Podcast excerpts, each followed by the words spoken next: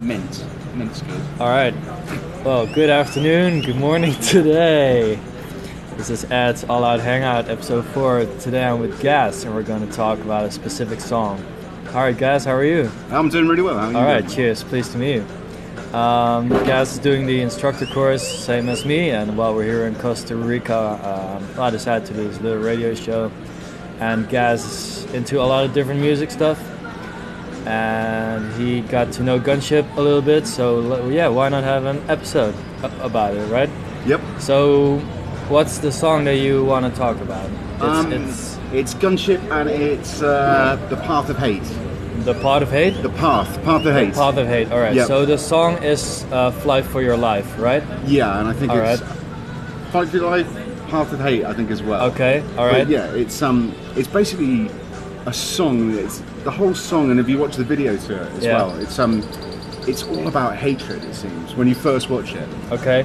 Um, and it's not until you maybe watch it the second time or the Mm-hmm. third time it starts filtering through to you that maybe you haven't actually got the grips to the song at all. Okay. Um, Will you just share your in- interpretation of it? well, right? yeah, well, I mean, I'll, I'll quickly tell you a bit about it first. It's um, it's it's animated. The whole video is animated Yeah, by yeah. a Polish animation studio, and it's it's phenomenal. You know, and it's like you watch it and you can just feel your adrenaline Mm-hmm. sort of increasing watching these these two people just engaging each other in the air, and they So the clip is about a fighter pilot and Two fighter pilots. Two fighter pilots. Yeah. All right. So Yeah. they're like they're engaging under the tunes of like this gunship '80s retro. Exactly. Yeah, I think it says it's, it references VHS. You know, it's just Mm-hmm. like you know, sort of like neo. uh, It's awesome. Yeah, And alright. um, but you can really feel this tension.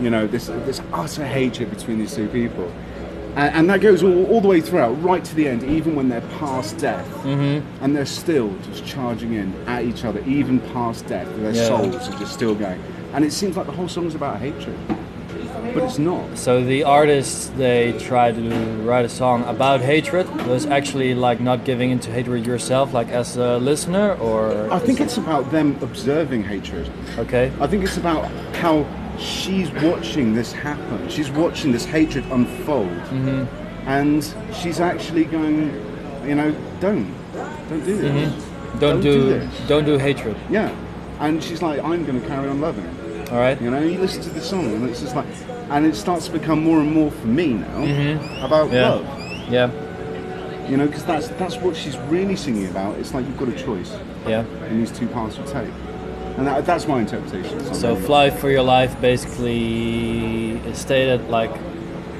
you're given an you're given a choice in in, in, in every situation, right? Yeah.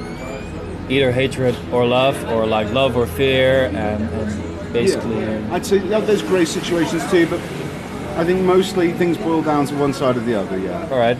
So you would recommend, of course, like picking love in one of those situations. Yeah, absolutely. right? Hands Okay, down So like. How does the music in the song create that feeling? Like, is it the synthesizers? Is it like the melodies? Is it the tunes? Um, I, to be honest, I'm a very visual person, which is strange for music. Um, yeah. I sometimes wonder if I have a thing called synesthesia. When I um, when I hear music, I often I often see shapes. Mm-hmm. I know that sounds strange, but it's how it's always been for me. All right. Um, music is it's kind of like a visual experience for me. All right. That's cool. So your so your your value is increased by the video clip, right? That's not entirely what I'm saying. Um, the actual music itself, when I just hear music, Yeah. I mean, I, I, I kind of, I see shapes. Yeah. You know, All I right. close my eyes, and that's how it is for me. You know, I don't So really how share that so normally. so so how does that relate to this song? I, it's, I mean, it's sharp, it's jagged, it's, I mean, nearly all the way through, and then Alright. and then the softness starts coming in, and you see the gentle, the gentleness. all the 80s retro. It's yeah. more to do with her and her voice, and I, Alright. and you can just feel her choices and her voice coming out, the emotion. All right. Well, thanks. Very, Nice. very good. Cheers. Um, talk with Gas about the song "Fly for Your Life" by Gunship. I'll have a snippet of this uh, after the segment, and hope you guys enjoyed it. And I'll elaborate on some more, um, yeah, 80s, 90s disco related stuff. Um, all right. Peace.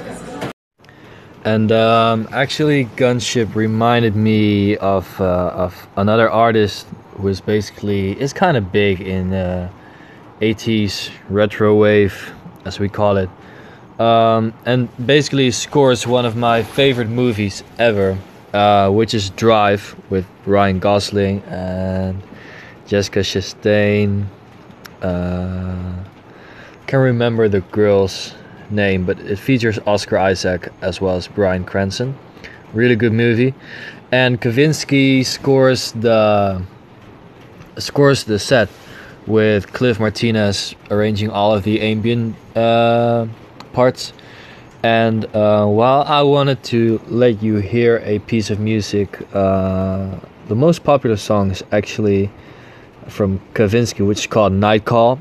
I didn't want to, sh- to show you that because I think it's the most well heard song of the whole movie, basically. Um, so I wanted to introduce you to another song of Kavinsky's called Road Game. Um, unfortunately, it's not featured in the movie, but the whole uh, Outrun Night Call album is basically influenced as well by the movie. Uh, so if you can imagine like car chases, you know, drug deals going wrong, people chasing each other, uh, basically a thriller uh, kind of way, then the music would really, really, really fit that. Um, so it's good that the director uh, Nicolas Winding Refn actually picked that mu- movie uh, to accompany with the music, and the other way around, of course. Um, so that's the song that I wanted to let you guys hear, and also I will share a snippet of uh, a song called "Under Your Spell" by Desire, which is featured in the movie I think two or three times uh, and basically just hits hits the spot for me. It, it it it shows during emotional moments in the movie, and it just adds way more depth to the to the character. Even though the main character driver doesn't really say that much, um, it really adds to the movie. So enjoy Road Game by Kavinsky and enjoy Under Your Spell by Desire. Alright, I hope you guys and girls enjoyed this episode. Um, it featured a bit more retro music, and uh, while I was actually making this episode, I had the idea of doing an episode on one of my all time favorite albums again, combined with some other um, type of ambient slash instrumental music. So that's what the next episode will be featured on. And um, yeah, as well, if you guys have any feedback, I'm always open to hear it. And once again, I hope you enjoyed this episode, and I look forward to sharing some more later with you guys. And uh, all right, keep it hanging. Peace out.